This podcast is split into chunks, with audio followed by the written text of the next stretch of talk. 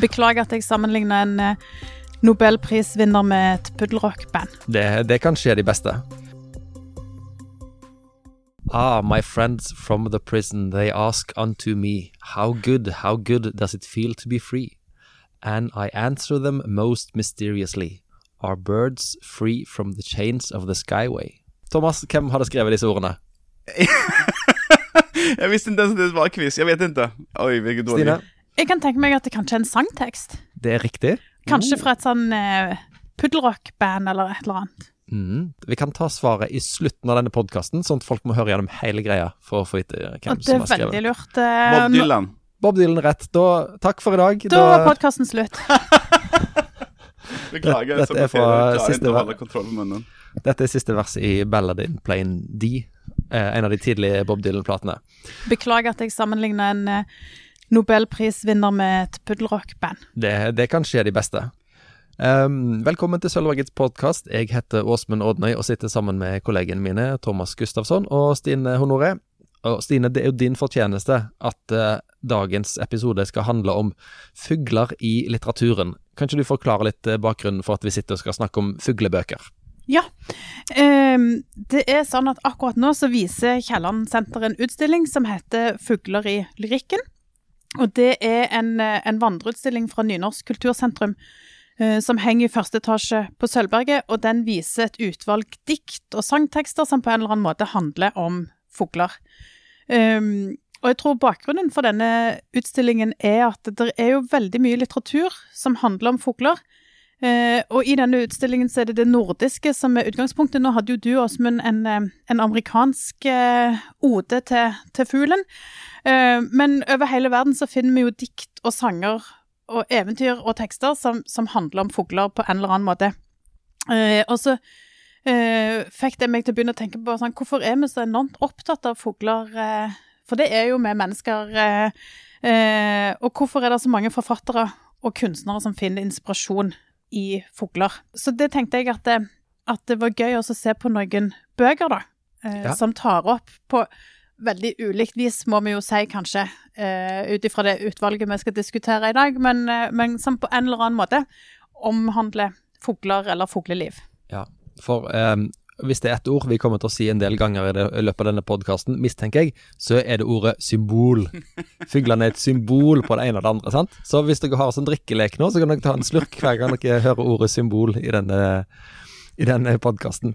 For er det ikke litt sånn, Stine, at fuglene de er et bling-symbol på alt mulig? Eh, jo, altså, jeg vil si um, Det er jo et symbol eh, som vi finner eh, ja, i litteraturen, i kunsten, i, i mytologien og i religionen Det dukker jo opp, eh, Fugler dukker jo opp i ulik eh, fjærprakt, kan vi kanskje si, eh, overalt. Eh, og de symboliserer jo kanskje litt forskjellige ting òg, men sånn, som en sånn hoved hovedting så kan en vel kanskje si at fugler symboliserer frihet og ånden og sjelen og tanker, kanskje.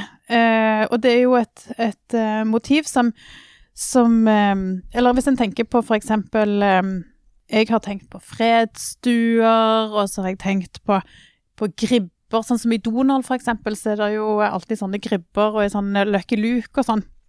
Eh, og en, en spurv eh, Vi tenker jo, vi assosierer jo alle noe med en spurv, en påfugl, en nattergal. Ja, Den stygge andungen. Den stygge andungen, ikke minst. Ja. Visdom, ugler, sant. Altså, ja. Jeg tenker at en, en fugl kan symbolisere veldig mye forskjellig, faktisk. Mm. Jag lurer på om det er noe med det at de er på en måte sånn uh, At de kan, de har en ekstra dimensjon, på en måte. De, kan, de, de har det der at de kan, de er ikke fast på bakken, de kan rømme ut. At, at, det, at, det er veldig fascinerende for oss mennesker, og at det alltid har vært det. Det er derfor det er säkert eh, är, är väl i litteraturen så er det er noe spesielt med, med akkurat det liksom. Og så tror jeg òg at For de omgjør oss jo uansett om vi bor i byen, eller om vi er Mm. eh, på landet eller ved sjøen, så er det jo det, er jo det dyret som vi ser mest eh, rundt oss, og som, som er en del av hverdagen vår. Og hvis vi ikke ser de, så, så hører vi det jo ofte. Ja. En, en kamerat av meg som er veldig opptatt av økologi, han eh, fortalte meg en gang at det, det dyret det finnes mest av, utenom mennesker da, i verden, er eh, kylling. Altså oppdrettskylling oh, ja, og fjørfe. At det, og de ser vi jo nesten ikke før de bare er på tallerkenen Og de spiser vi bare. De bare spiser Ja. vi. Ja. Men, men eh, litt sidespor da, Sine, men en annen gruppe eh, vesener som vi Som burde kanskje vært mer mystiske enn de er, er jo fisk. Det er ikke så mange symbol, symbol knytta til fisk, er det det? Og de er jo bare synlige veldig sjeldent, og de er stort sett De fins, men de er, er et helt annet sted enn vi kan se dem. Ja, Vi kan se fisk i mindre grad enn fugl. men kanskje eh, en, Altså, fuglene er jo kanskje litt finere å se på. De har fine farger, og de, De lager lyd. de lager lyd, de bruser med fjær, og Altså det som du de sa, de er veldig til stede i våre liv. Ja. alltid. Jeg har en sånn tanke som jeg ikke blir kvitt, som jeg har hatt i 20 år, tror jeg. Og det er at tenk om haier hadde vinger. Tenk om haier kunne fly, og de bare kom det hoppende opp i havet, og så måtte vi ha galler for alle vinduer, for ellers kunne heiene flyge inn vinduene og spise oss. Denne, denne filmen fins. Tuller du? Det er en serie, tror jeg, som heter Shark, Sharknado. Sharknado. Ja, det ikke jeg sett. Hva er det for noe? Det er en tornado som virvler opp på havet, og så slenges det haier rundt Wow. omkring i byen, og de spiser folk midt i, i fotgjengerfelt, og det som Det er ditt mareritt, Ja, Thomas nei, det, det, Gustafsson. det er mer en sånn tanke, jeg, og jeg visste ikke at det fanns på riktig. Nå er, jeg jo en stor bluffmakere. Jeg tror det er ekstremt dårlige filmer. Eh, gå til Netflix. Eh, okay. Du finner det der. Ja. Ja. Nå, Anbefaler. men nå, nå, må vi, nå skal vi ta, ta det tilbake i det saklige sporet, for dette fra Netflix til Alexandra Kielland. Det er en Stine- naturlig eh, overgang. Ja. Ja, og du er jo leder for Kielland-senteret. Og vår mann Alexander Kielland, hva var hans forhold til fugler? Det er jo litt derfor vi har valgt å vise denne utstillingen som heter 'Fugler i lyrikken', fordi at eh, Alexander Kielland eh, var veldig opptatt av fugler. Han skrev mye om fugler, og han, han var òg veldig glad i å spise fugler. Det kan vi jo òg si. Det er jo kjent at, at livretten til Kielland var agerhøns med champagne. Men, eh, men fugler eh, dukker opp i Kielland sine tekster eh, ganske sånn regelmessig, både i i litteraturen hans og i brev, og han skrev i korrespondansen han hadde med andre.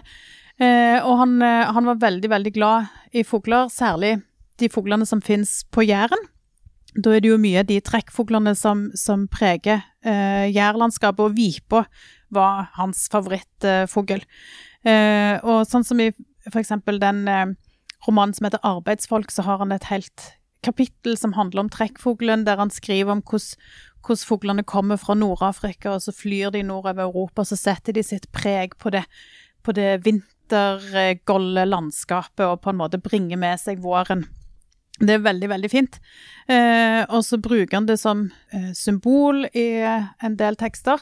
Og så har han òg, eller han hadde òg en, en sånn et, et glødende engasjement for fuglelivet på Jæren.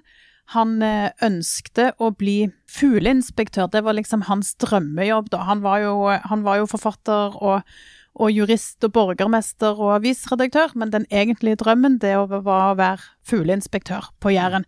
Eh, fordi at når han levde, så var han akkurat i omleggingen til moderne jordbruk, og samfunnet var i ferd med å moderniseres. Og det var mange som jakta på småfugl, og som, som eh, røva egg fra, fra reira. Så det var veldig mange fugler som levde et veldig sånn trua allerede da, som var trua. Og da skrev han brev til Stortinget om, om at de måtte opprette en stilling som fugleinspektør. Jeg tror jo Alexander Kielland var eh, At han kanskje følte seg litt som en trekkfugl sjøl, da. Eh, for han lengta alltid eh, til andre land, og han ønsket alltid å reise ut eh, til Europa. Og så når han, når han var på reise, når han var i København eller når han var i Paris, så, så lengta han alltid hjem igjen til Stavanger. Eh, Så han var litt sånn, han var en rastløs sjel. Han var en slags trekkfugl sjøl òg, tenker jeg. Mm. Eh, og en av de mest berømte tekstene hans som handler om fugler, er jo 'Torvmyr' fra 1880 i samlingen Nye novelletter. Hvem er det som forteller den historien? Ehm, ja, det er jo en eh, ganske interessant Kielland-tekst, eh, akkurat denne Torvmyr som, som Kielland skrev i, i 1879, faktisk. Eh, og eh, fortelleren i den eh, er en fugl, det er en ravn, eh, som flyr over jærlandskapet og forteller om det han ser. Eh, og bakgrunnen for den teksten òg er veldig interessant, for eh, Kitty Kielland, søster til Alexander, hun tegnte en sånn skisse av en torvmyr på Jæren.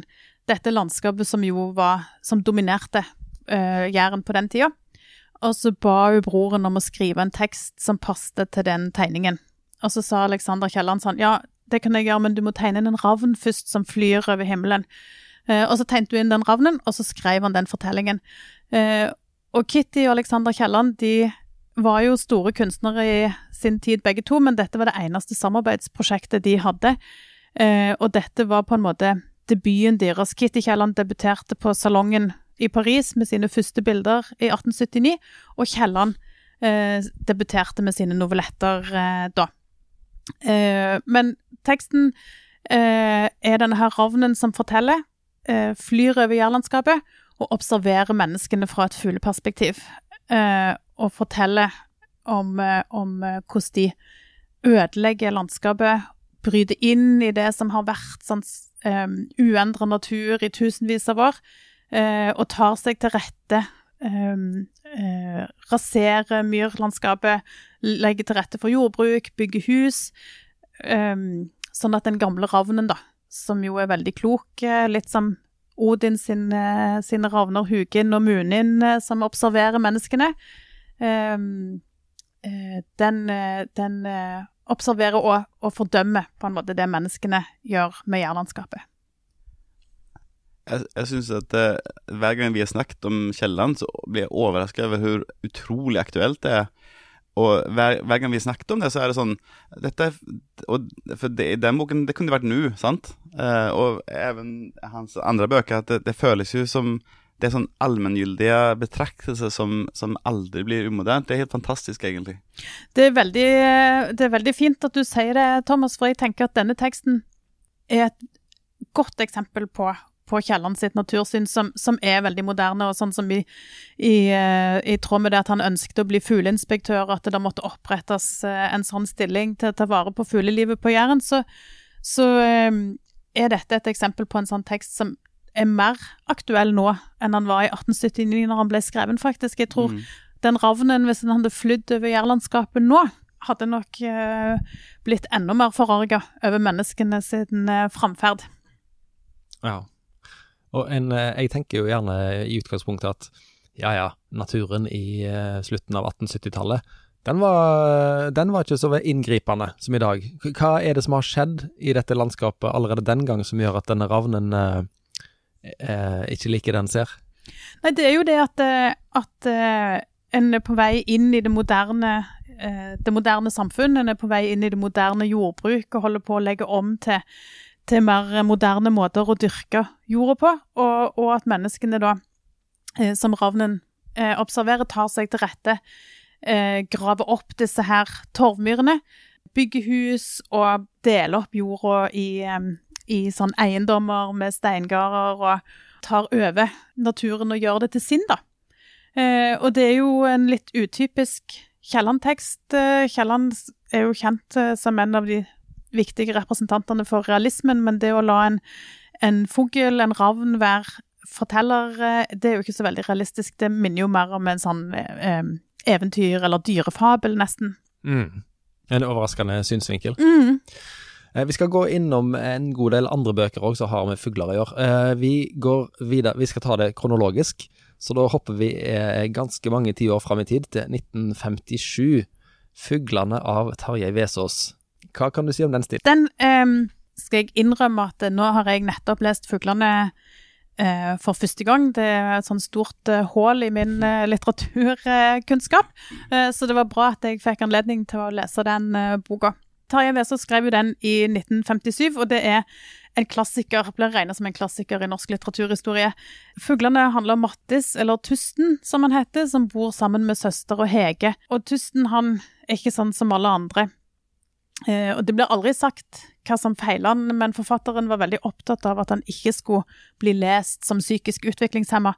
Men han er ikke i stand til å jobbe, han er ikke i stand til å ha på en måte eh, sosiale relasjoner eh, sånn som kanskje de menneskene rundt han er. Og han er, ikke, han er som et lite barn, han er ikke i stand til å ta vare på seg sjøl. Det er derfor Hege har på en måte fått dette ansvaret for å ta vare på han. Og når Hege da får kjæreste i voksen alder, så, så, blir alle rutiner og alt det vante, alt blir brutt, og da, da bare rakner det for Mattis eller for Tusten. Og her er det, her er det Mattis sitt perspektiv, og får på en måte en sånn eh, Får den fortellingen gjennom hans blikk, da. Har dere lest eh, Ja. Ja. Jeg, Altså, jeg likte den veldig godt mot slutten. Jeg syns slutten var veldig fin, eh, og trist, men veldig fin. Eh, i, vi snakket jo litt om det på forhånd. Liksom, han er jo litt irriterende, han eh, eh, i, begynnelsen iallfall. Men så jeg leste litt mer om boken etterpå, at han forfatteren ville at han, det skulle være mer, han var, mente mer at det var som en kunstner eller en litt annerledes tenkere enn at han var egentlig tilbakestående eller sånn, da. Um, og det er jo tydelig, han blir fanga, han blir liksom stoppa av sine egne tanker. Han, kraften ur armene forsvinner når han skal plukke nepe, fordi han tenker så mye. Han tenker så mye hele tiden. Eh, jeg har lest at eh, Tarjei Vesaas sa at Tusten var på en måte et slags selvportrett. Eh, eh, at, at det var litt eh, han sjøl, da. Og at det, det å observere og lytte til naturen, og ikke være praktisk anlagt og bruke mye tid på å observere det vakre rundt seg, eh, at det kanskje var noe av det som Tarjei Vesaas uh, sjøl kjente seg igjen i, denne her karakteren. da. Jeg syns veldig synd på Hege hele veien, da, som, som hadde dette ansvaret for å passe på broren sin. eh, Mm. Eh, men, eh, men det er jo en veldig fin tekst om, om det å leve i naturen. Og han heter jo 'Fuglene', og vi kan jo kanskje si noe om hvorfor han heter det ja, men jeg har ikke hørt så mye fuglesnakk til nå. Nei, nei, lite, ja.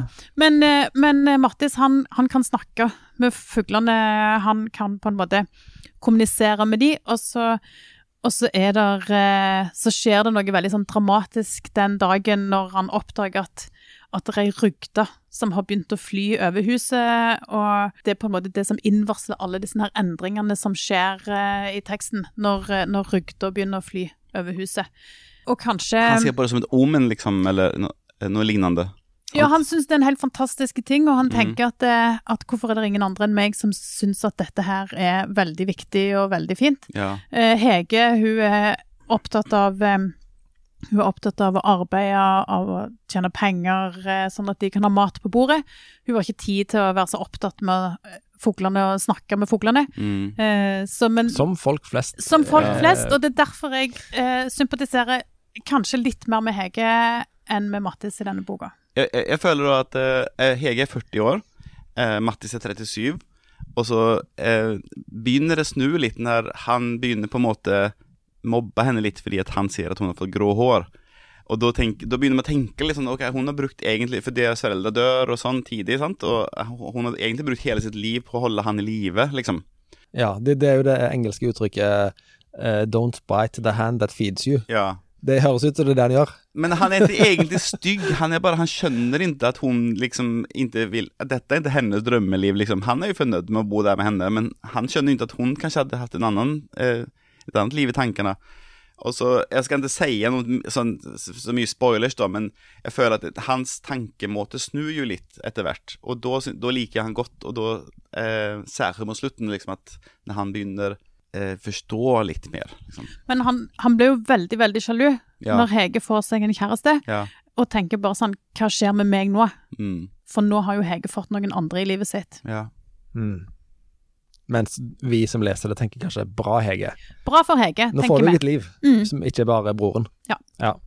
Fuglene Vesaas, jeg tenker eh, tung forfatter, eh, krevende lesning. Er dette ei bok som, som krever en, en uh, dreven leser for å få utbytte av den? Kanskje en tålmodig leser, for jeg, i hvert fall, eh, jeg måtte slå opp noen ting og sånn. For jeg, jeg visste ikke hva rugde var, til eksempel. Og andre sånn eh, Den er nynorsk, da, og litt gammel, gammeldags nynorsk.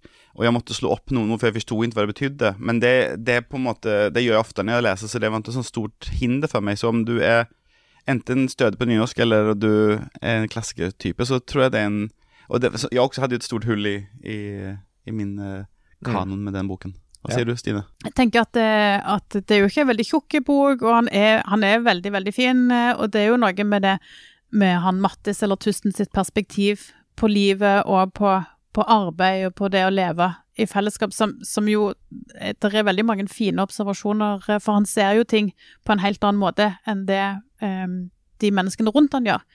Uh, så det er, det er ikke en sånn veldig tungt tilgjengelig tekst. Det syns jeg ikke. Han, han jo det som er, det som er det triste, på en måte, er jo at han er jo ikke egentlig dum. Han forstår jo at han er annerledes.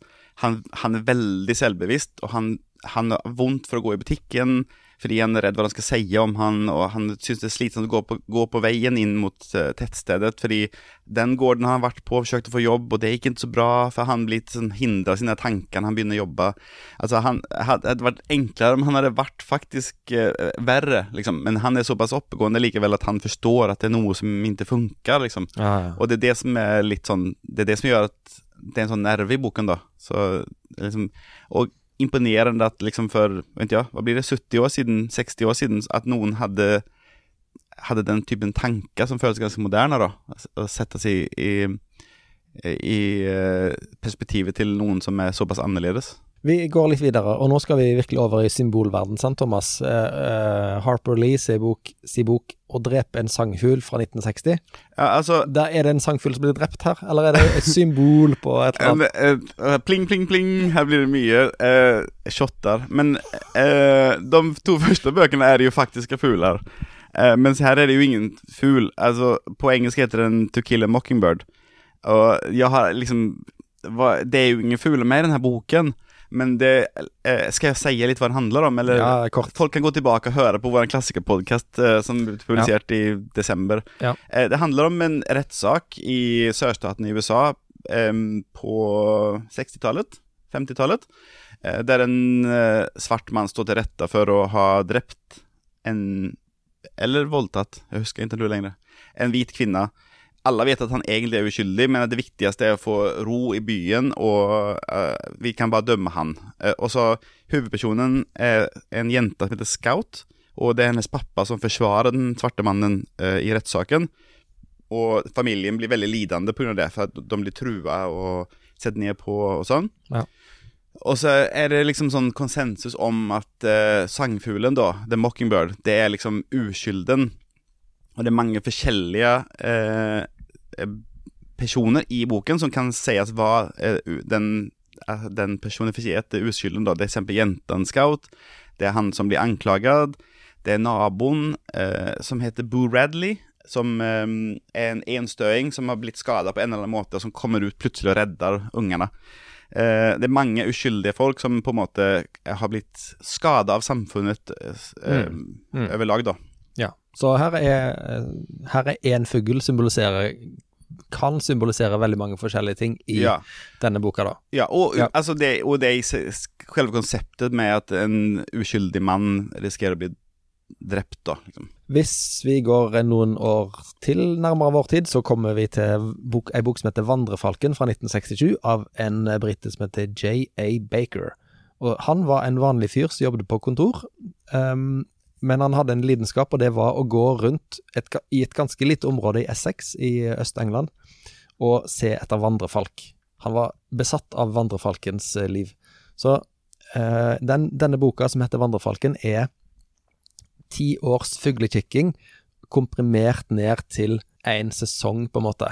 Sant? Han, eh, han, boka går kronologisk fra jeg tror det er fra høst til vår, og han har da slått sammen alle observasjonene sine eh, gjennom de ti årene til, liksom, til å bli ett år, da.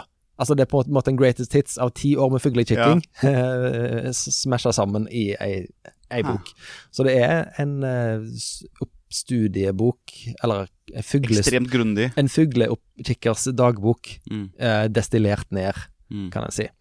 Uh, denne boka her er veldig høyt ansett blant alle fuglekikkere, og det anses som en, uh, en klassiker. Og folk leser han i alle mulige slags perspektiv, f.eks. at han er veldig opptatt av eh, forurensning og økologi, hvordan sur nedbør gjør at fugleeggene blir tynnere, og at det er færre fugler som vokser opp, osv. Han var ganske litt moderne det, på den måten. Mm. Jeg fikk veldig lite ut av han. Jeg tror jeg brukte to og en halv måned på å lese denne ganske tynne boka, og det, jeg, det føltes litt som å spise fire brett med konfekt. For at hver setning er liksom så perfeksjonert, eller virker som han er blitt skrevet om mange ganger, og liksom pussa til å bli sånne små kunstverk i seg sjøl, men jeg klarer liksom ikke Når hver setning skal stå og dirre av, av mening og poesi, så blir jeg litt sånn matt.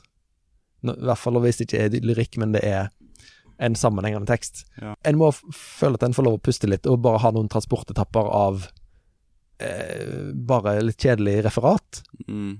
Eh, jeg vet ikke hva dere syns. Altså, Så ekstremt informasjonsmetta, liksom. Du, veldig mye ja. informasjon, og, og, og jeg ble Første gang du leser om eh, hvordan eh, vandrefalken har tatt en piruett og stupt ned og drept ei kråke, så er det liksom sånn oh, dette var bra skrevet. Men når du leser det for 20. gang, alt Alle liksom intrikasjonene til disse fuglene, så blir jeg liksom bare liksom, ja. Men er dette ei tjukk bok, eller er det ei Den er ganske tynn, kanskje 250 sider, da. Jeg er jo ikke i fuglekikkermenigheten, men jeg hadde bare gått forbi den så mange ganger i hyllene på Sølvberg at jeg, ja, ok, den, den tar jeg med. Og så er den jo Det er jo en kjent Altså, den er jo Den går jo som en klassiker. Ja. Så du har sikkert hørt det referert til, og så til Yes. slutt så blir man jo nysgjerrig. Det blir som, akkurat som en sånn underbevisst reklame. Ja. Ja, apropos det med sånn tekniske ting om fugler, så så jeg og, og min sønn her om dagen om et, et et program på NRK om, om det med fugler. At det er så fascinerende at eh, Det er jo kjent at fugler er ganske intelligente, som kråker og sånn. De, de kan jo De er utrolig smarte, og så er det, er det, har forskere ikke skjønt hvordan de kan være det når de har så utrolig liten hjerne. Og så viser det seg Nå har de oppdaga at egentlig så er det bare at den er ut, veldig, veldig komprimert. Eh, Sånn at eh, de har eh, på en måte like stor hjerne som oss, bare at allting er mye mindre. Det er ikke som, som forskning med, med mobiltelefoner, at de har blitt så små og fl- flate. Så- Sånn, sånn fuglehjerne er på samme måte, og det viser seg at dinosaurer også har det samme. Så eh, De er jo kjent for å ha veldig lite, liten hjerne, men det er bare veldig komprimert. Så det, det er det som er forklaringen på at de kan være så smarte selv om de har så smått hode. da Så mm, det var eh, Ja. denne dagens eh, fakta. Hmm.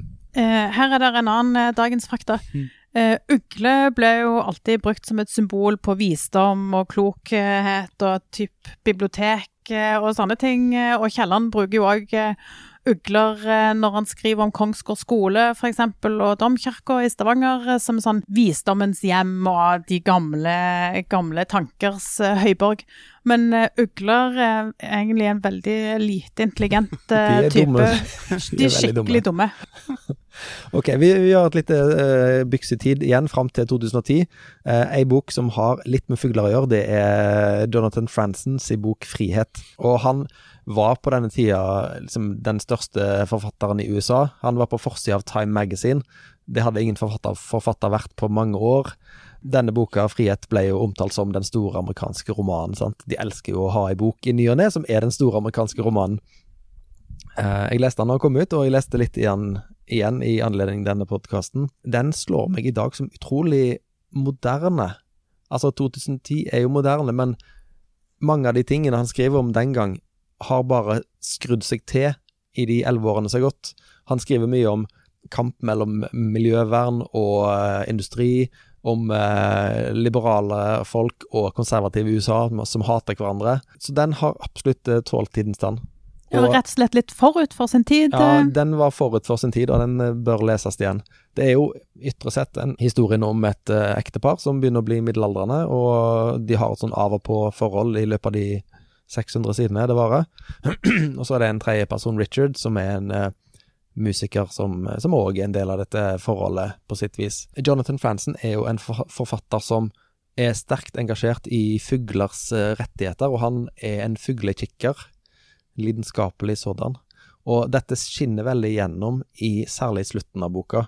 Uh, de siste 50 sidene av uh, Frihet, de er via i sin helhet et forsvar for fuglers rett til å være i naturen. Eh, særlig på bekostning av katter, katter eksempel.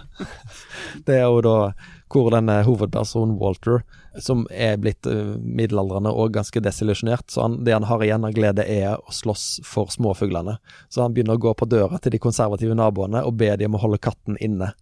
Fordi katten driver og spiser opp fugleegg og sånn i skogen, og så sier, da sier naboen at ja, men katten min det er en jeger, og ungene liker, liker at den er ute, og eh, dessuten så er det ikke mitt problem at fuglene blir spist. Altså, ja. Og så slutter den på en veldig fin måte, så, hvor fuglene vinner. Ah, ok, Ja. Katten, katten overlever, men det, det er fuglene som vinner den store kampen. Altså, nå bor jo jeg med en ornitolog, eh, så akkurat det eh, katteskepsisen, den, eh, den kjenner jeg godt til. Men det er jo ganske interessant det som du sier om, om, om forfatteren her som er så engasjert i, i vern av fugler. eh, For det er jo sånn som det som jeg sa om Alexander Kielland òg, og nå så jeg nettopp i dag eller i går at Ingvar Ambjørnsen var ute og uttalte seg eh, om hvor viktig det er å bevare fuglebestanden og småfugler og sånn. Eh, Jeg tror han uttalte seg på vegne av Norsk ornitologisk forening eller et eller annet sånn. eh, Det er et eller annet sånn veldig sånn eh, eh, magisk med de fuglene. Det er, altså, der, der er et sånn enormt engasjement. Jeg tror de aller, aller fleste mener noe om fugler, eller liker å se på fugler, eller snakke om fugler, eller ja. Eh, vi skal gå videre til ei bok fra 2013 som jeg vet at Stine, du har et veldig varmt hjerte for, og det er 'Stillitsen' av Donna Tart, eller 'The Goldfinch', som han heter på engelsk. Goldfinch, det forstår en er en eh, gullfink, men på norsk heter det 'Stillits'. På norsk heter det stillits. Ja. Det er ikke sånn kjempelogisk, eh, men det er jo mye som ikke er så logisk eh, alltid. Men, eh, men eh, The Goldfinch, eh, eller Stillits, da. Det er, det er, som du sa, en roman fra 2013, og så er det en, eh, en fugl i finkefamilien, som er vanlig her eh, på Jæren òg. og, og, han er veldig, veldig fin. Han eh, er litt sånn gul og rød og svart, og veldig sånn vakker liten, eh, liten fugl. Eh, men så er det òg et maleri, et, et ganske kjent maleri, av en nederlandsk maler som heter Karel Fabritius, eh, som levde eh, på første halvdel av 1600-tallet. og Han var annet eleven til Rembrandt, eh, så han var av den skolen, da. Og Karel Fabritius han døde i en eh, eksplosjon i et kruttlager eh, når han var veldig ung. Og det som er litt interessant med det, at, han, at starten på denne romanen, da, Stillitsen, den, eh, den eh, starter med et terrorangrep, en stor eksplosjon, der hovedpersonen er eh, han er involvert, for han er på et kunstmuseum i New York sammen med mora. Og så kommer denne eksplosjonen, og så dør mora.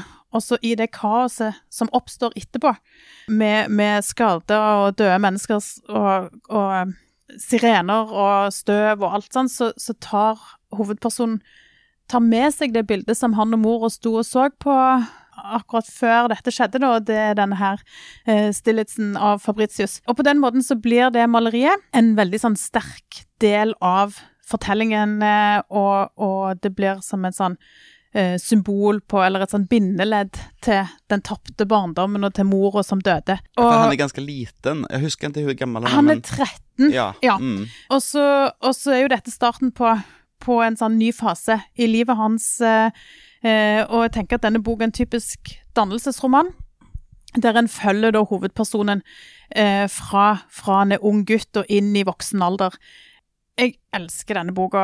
Eh, den er, det er en sånn eh, kjempe eh, Han er tjukk, han er over 800 sider, eh, og han eh, Det er en sånn skikkelig røverhistorie, tenker jeg. Det er, det er en sånn storslått fortelling eh, der vi blir dratt inn i, i Theo sin verden, og der er det eh, narkotikamisbruk og død, og det er en sånn dysfunksjonell familie. Det er en galning fra Ukraina som er med ganske mye. Det er kunst og kjærlighet. Og det, Boris. eh, er det Boris du mener? jeg husker ikke hva han heter. Den, gut- han, hans kompi, guttens kompis? Ja. ja. Mm, som, han er jo veldig Jeg liker han godt. Han er, ja, han ja. er en, en festlig karakter Ja. i denne boka. Og det er kunst, og det er kjærlighet. Det er på en måte alt det du trenger av en sånn skikkelig god, storslått fortelling. Så jeg husker når jeg leste denne, så ble jeg bare dratt inn i det universet. Eh, så jeg sier bare tommel opp eh, for denne boka her. Den eh, lå kjempelenge på sånn bestselgerlister, og den vant Pulitzerprisen, så ja. Det er ikke en av disse altfor lange amerikanske romanene, dette? Eh, han, han er nok kanskje litt for lang, eh, og, men, eh, men jeg syns jo jeg synes jo det er det som er litt sånn fint. Jeg bruker jo mye tid på å lese norsk samtidslitteratur. Der er det jo ofte sånn Altså, det kan jo være litt navlebeskuende, kanskje. Det er jo mange bøker som handler om, enig. Ja. om, eh, om mødre og misbruk og om nære relasjoner som ikke fungerer. og det indre kjærlighetsliv til den middelaldrende mannen. ja. Og, ja, det indre livet til den Ja. middelaldrende mannen, ikke minst. Um, og det er ikke noe galt i det. Men det av og til hørtes litt sånn ut. Uh, det, Nei, men det er jeg, kult. ikke, jeg vil ikke si uh, noen ting stygt om norsk men det er kult med det storslåtte. Men det er en det. trenger av og til en skikkelig, skikkelig god fortelling som, uh, som du bare blir uh, sugd inn i, og som, som, er litt, litt for lang og litt for usannsynlig, men allikevel bare veldig gøy. Ja. Eh, og det er litt sånn typisk amerikanske bøker, kanskje. Det er, sånn, men det er ikke så mange sånne bøker på norsk, kanskje. Jeg, jeg begynte å tenke på den der eh, Max Misha og Tette-offensiven. Den er jo på 1100 sider eller noe sånt, Ja. av Johan Harstad. Og og Knausgård sin uh, siste, for den òg er jo uh, Morgenstjernen. Den òg er jo um, en sånn eh, eh, magisk fin, storslått fortelling som du bare blir sugd inn i. Ja, jeg holder på å lese den eh, samlede verk av Lydia Sandgren, eh, som er en sånn som går over flere generasjoner. Eh, eh, og den er, den er litt sånn stor. Eh, men jeg har jo blitt, liksom, fått oppdraget å liksom krangle med deg om den boken, eh, Stilitzen, nå. Men jeg er jo enig med deg. Den, har, den, bok, er jo, den er syv år gammel, og jeg er overrasket over hvor ofte jeg tenker på den fortfarande, for den henger med en. Men, men jeg tror det har litt med å gjøre Jeg hadde lungebetennelse når, når jeg leste den, den, og jeg var så dårlig at jeg, jeg hadde ikke helt energi, for den krever en del. Når den, den er liksom Hun har virkelig anstrengt seg for å trykke inn mest mulig dramatikk. Eller ikke dramatikk, men den, den er episk, liksom. Og jeg følte at det, det aldri ble ferdig med den. Men ellers, selve fortellingen og den vennskapet med, mellom de to guttene, og alt som skjer han og den svinet til far, og alt Det, det, er, en, det er en kjempekul bok. Og så, eh, om vi skal snakke som symbolikk, da, så er den, den malingen eh, eh, som blir stjålet, det er den, den stilitsen, da. Og den er malt sitter på en sånn liten eh, Han sitter fast med en kjett, liten kjetting. Og det er en sånn Det er sånn symbolikk eh, de luxe, da. Den, Ja, den er fri som ja. fuglen, men han sitter fast. Han får ikke lov å komme, for det er en sånn, sånn fugl på et, kanskje på et marked eh, på middel, i middelalderen, eller noe sånt der, da. Men overlag eh, så er jo Donald Hart en favoritt av meg. Så eh, jeg, jeg liker det store, svepende, og jeg har akkurat lest hennes første bok på nytt igjen. Så jeg, Ja. det ble ikke så mye krangling som vi hadde håpet her. De som ikke orker lese 800 sider, eh, kan se filmen. For filmen òg er veldig bra. Det var Donna Tart. Vi skal gå raskt innom en bok som heter H for hauk, som kom i 2014. Det er ikke ei symbolbok, det heller. Det er ei britisk dame som heter Helen MacDonald, som eh, alltid drømte om å bli sånn falconer, altså falketemmer, eh, og blir etter hvert historiker og forfatter, men har interessen for fugler. Eh, så skjer det noe dramatisk i livet hennes, at faren dør, og da får hun det for seg Altså, sorg kommer jo alle, alle varianter, men hun får det for seg at det jeg må gjøre, jeg må skaffe meg en hønsehauk, så jeg skal trene opp. Kanskje ikke eh, den vanligste reaksjonen på å miste en forelder, men det er iallfall det som skjer. Så hun skaffer seg en hauk, og boka handler om eh, kombinasjonen av trene opp hauk og bearbeide sorg. De to tingene går hånd i hånd. Jeg tenk, nå kjente jeg at jeg var mer opptatt av, av den hauken enn av sorgen eh, hennes, men, men kan du bare skaffe deg en hauk sånn helt uten videre? Ja, ja i, eh, dette har jeg spurt uh, husets fugleekspert Anne Lene om, og hun har sagt Altså, jeg har ikke spurt henne om det, men det å drive jakt med rovfugl i Norge er ikke lov. Jeg kan ikke skaffe meg en ørn som jeg har, på, har i et bur på Storhaug, og så ta den med meg ut i skogen, så skal han fange kaniner som jeg skal spise til middag. Det er ikke lov. Og jeg, jeg tror ikke det er lov å, å skaffe seg ville fugler på den måten i Norge. Man kan sikkert gjøre det i Danmark. Sans, sannsynligvis. Ja, altså, folk kan jo ha høns, og de kan ha eh, kolibri, og de kan ha undulat, men jeg tror ikke du har lov å skaffe deg eh, fugler som eh, Som våpen. Som, som, som, eh, som hører til ute i skogen. Så kan en jo si at alle fugler gjør jo det. For noen år siden så måtte vi ha en eh, Det hadde jeg glemt, men vi måtte ha en tårnfalk eh, eh, i pleie på, i loftstua vår, eh, for den var blitt skada. Ja, ok, hvordan gikk det? Eh, nei, det gikk jo ikke så bra, for jeg ville jo ikke ha han der, og så, og så måtte vi ha sånn eh, Sånn nedfryste mus til å, å fôre han med, og så, og så når han kunne fly igjen, så gjorde han jo fra seg i sofaen og sånn, eh, så han måtte flytte til Jæren, eh, for der var det bedre for han å bo enn i loftstua mi, da. Mm. Ah, men ble du litt glad igjen? Nei. Ja vel. Ok, Håfa hauk det er ei kjekk bok eh, om å finne seg sjøl og, og trene opp en hauk. Um, så skal vi over på ei bok To bøker faktisk av Lars Ramsli som kom i 2014 og 2016. Og de leste jeg fordi jeg skulle intervjue han på kapittel for et par år siden. De heter Liten fugl. Eh, serien heter Liten fugl. Og eh, det, dette er bøker som er veldig oversett eller undervurdert. Jeg vil oppfordre alle til å lese disse to bøkene av Lars Ramsli. Den første boka i serien handler om et helt ekstremt usunt forhold mellom eh, ei voksen dame og ei eh, jente som går på skolen. Mye manipulasjon, og det er bare en sånn uhyggelig stemning som bare drar deg inn. Og bok to, sånn som jeg husker den, den eh, fokuserer mer på dattera til denne dama i første bok. Og denne dattera finner på veien hjem fra skolen en fugl som er litt skada. Hun tar den med seg inn i huset, men må skjule den for resten av familien at hun har en fugl i pleie. Altså Her kan en selvfølgelig tolke alle retninger. sant? Er denne skada fuglen et bilde på hun sjøl eller på familien? Det kan godt tenkes. Og det er varsla flere bøker i denne serien, men den er ikke blitt uh, oppdatert siden eh, 2016, så jeg gleder meg stort til neste Lars Ramsli-bok i dette universet. Da skal vi over på ei bok eh, som du og meg, Thomas, fra 2017. 'Sorg er den greia med fjær'. Ja, eh, jeg tenkte på det når du, når du snakket om det med eh, Håfer Hauk, med sorg og, og Så, så er, fortellingen er en far med to sønner eh, som akkurat den boken begynner, har mista mammaen. Eh, og, og så får de midt i natten, så får de, som ringer på døren, så får de besøk av en ekkel kråke eh, som stinker og er liksom bare ufyselig. Og så er boken lagt opp sånn at eh, det er tre fortellerstemmer som altererer, og det er pappaen, og det er guttene, og det er fuglen.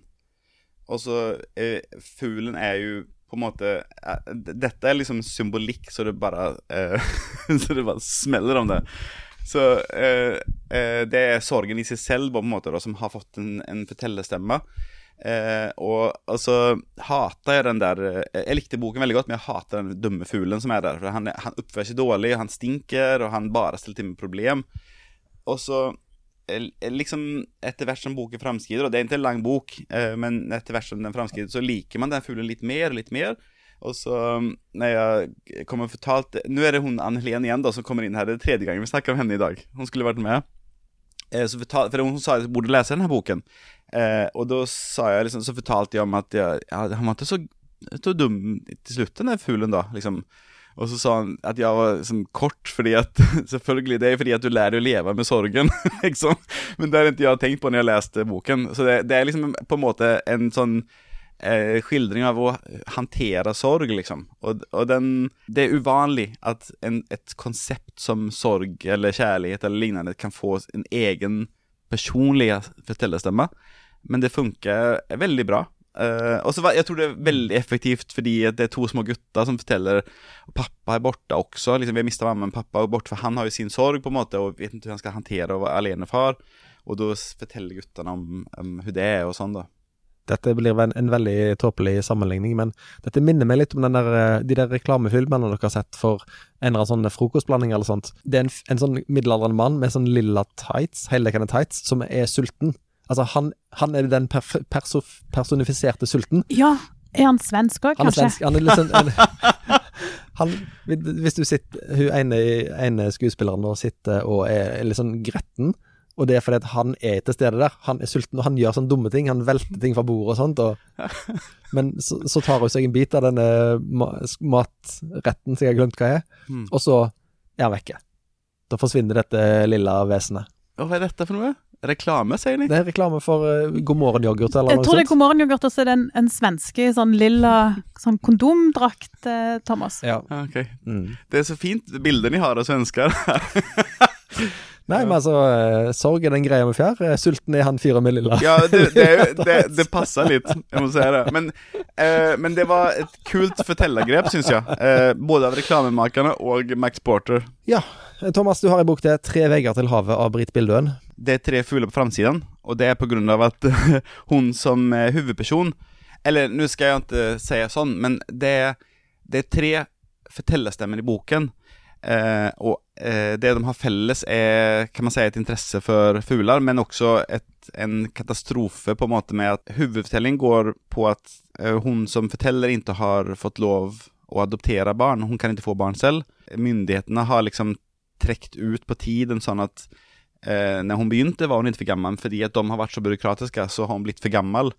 Eh, og samtidig som folk rundt henne i samme alder får lov til å adoptere. Og, altså det, så hun, det, det er en sånn eh, Hun får en, en et sammenbrudd, en krise, og det er veldig utrolig sterkt skildra, og veldig effektivt språk som beskriver det umenneskelige med å slåss mot byråkrati. Og jeg tror hun sier at eh, på en måte staten kan begå abort på deg, på en måte, fordi at de kan hindre deg fra å få barn. Det er en fantastisk bok. Det er jo ikke en bok om fugler, men det er det som hjelper henne ut av det, kan man si. For hun eh, jobber på en sånn eh, observasjonspost eh, og studerer fugler, da. Eh, så det er det som er lille lyset i tunnelen framover. Eh, Så hun har fått drømmejobben til Alexander Kielland, Ja. hun er hovedpersonen. Eh, ja, eller hun har vel på en måte forlatt det gamle livet sitt og, og Ja. nesten reist i eksil på Ja, denne fuglestasjonen. Mm, på grunn av at hun i desperasjon For hun ble jo litt sånn gal. ja. Nå er det en stund siden jeg leste denne Men, boka, men det, det, det, jeg føler at vi får ikke si for mye, fordi det er noen ting, fortellergrep i boken som gjør Som du ikke er helt med på i begynnelsen, som eh, Men, men, eh, men hun, ja, hun blir jo Hun, hun blir eh, koko, på en måte, og du I begynnelsen så dømmer Ja, i hvert fall dømte henne litt for det. Jeg syns det var skikkelig overdrevent. Men så er boken sånn Du får jo vite mer og mer, liksom. Sånn. Jeg syns den um, beskrivelsen av, av en sånn hovedperson som, som går litt i oppløsning, eller det Mm. rakner uh, litt for henne, uh, syns den var veldig, veldig fin. Fordi at Mm. det, hun gjør sånne ting som, som er helt absurd å Ja. gjøre, og som er forbudt å gjøre, og som du ikke kan gjøre hvis du er et velfungerende menneske. måter. Men samtidig så, så beskrives de på den måten sånn at du bare Altså, en overskridelse, og så en overskridelse til, og så, og så Ja. og til slutt så har du på en måte gjort noe som, som sett utenfra er, er veldig galt, Ja. eller veldig sånn eh, Ikke normal oppførsel å gjøre, da, men, men samtidig så blir det beskrevet på en måte som du skjønner at det, Ja. eh, hvorfor eh, hovedpersonen gjør de tinga. du, det, det er veldig effektivt fordi at du, du er jo på en måte med på samme ferd som hun selv. For hun, hun begynner jo ikke sånn. Hun begynner som et vanlig dame, og så liksom blir det verre og verre. Og du, siden du får være med på den resa nedover, på en måte, så, så blir det så, så forstår man det litt. Liksom. Kjempefin, den boka. Ja. Mm. Tre veier til havet er sterkt anbefalt herfra. Thomas, du skal anbefale ei veldig konkret fuglebok helt til slutt. Jeg skal ikke anbefale den, Skal du men jeg kan fortelle om den. Eh, det er en bok som heter The Raven Master. eh, My Life with the Ravens at the Tower of London. Av Christopher Skeif. Og jeg, eh, jeg, vet, jeg vet ikke hvorfor jeg leste den boken. Sikkert av en eller annen uh, uttippet googling som gjorde at jeg plutselig leste om at uh, de holder ravner uh, som, uh, som dyr ved eh, Tower of London. Tenkte, det var jo det var kult, liksom. så leste jeg boken, og så eh, i begynnelsen var det kjempegøy. Og så han fortalte om hvor smarte de er, og alt det morsomme de finner på, og de har faste par, og de kanskje de mobber ut en. Det er jo ikke morsomt, da, men de, de er veldig det er tydelig intelligente sosiale dyr som har personligheter og sånn som det. Og så forteller de mer og mer, og så viser det seg at eh, de har eh, noen slags myte at om, de, om det ikke bor ravnar ved London lenger så kommer The Kingdom will eh, fall eller noe sånt der greier. Og det gjør at de føder opp ravnar, og de klipper av vingetuppene på dem. Så at de ikke kan fly ordentlig. Og det gjør jo at plutselig så detter de ned fra, fra tårnet og slår ihjel seg. Eh, For de, jeg vet ikke om de glemmer av at de ikke kan fly, eller hva som, hvorfor de gjør sånn. Men så da begynte jeg å hate mannen, da. Jeg syns det var eh, De, de ofrer dem bare for en sånn rar tradisjon som ikke Altså, her seg. står eh, kongeriket på spill, altså da må vi kunne ofre et par eh, ravnevinger, syns jeg, altså. Men det, som jeg ble irritert på, var at han rettferdiggjør det, liksom. At han liksom Bare fordi at noen på 1700-tallet sa det, og så skal de holde dem fangen, men som later som at de er det frivillig, og jeg vet ikke. Jeg, jeg likte ikke konseptet. Jeg skal boikotte London nå. Nei, jeg skal ikke. jeg skal dit så fort det blir åpent igjen. Men det, det, det er jo en interessant fortelling, men jeg likte ikke greien med at de Ja, de, får, de slår i hjel seg fordi at noen skal ha noe å se på. Uh, fugler, kan en se det over hele Sølvberget i sommer, eh, Stine? I første etasje så kan en se utstillingen 'Fugler i lyrikken', som jeg nevnte. Og så er det jo, eh, har vi jo lagt fram masse bøker og filmer eh, som handler om fugler eh, i alle etasjene på Sølvberget nå. Eh, og så har vi Eh, I fjerde etasje på Kielland-senteret så har vi òg fått låne noen fugler fra Stavanger museum eh, som vi har utstilt i Kielland-samlingen, og der kan du òg lese litt mer om, om Alexander Kielland sitt forhold til fugler. Og eh, har jeg sett riktig når jeg ser at det står faktisk ei agerhøne? Vi har fått låne ei ekte agerhøne eh, fra, fra Stavanger museum. Ja, Mm. Kiellands eh, favorittmåltid. Yep. Eh, agerhøns er en utdødd art, så vidt jeg har skjønt. Den, De er eh, utdødd, ja. Agerhøns ble utrydda når en gikk over til det moderne Ja. eh, landbruket, og som en følge av jakt.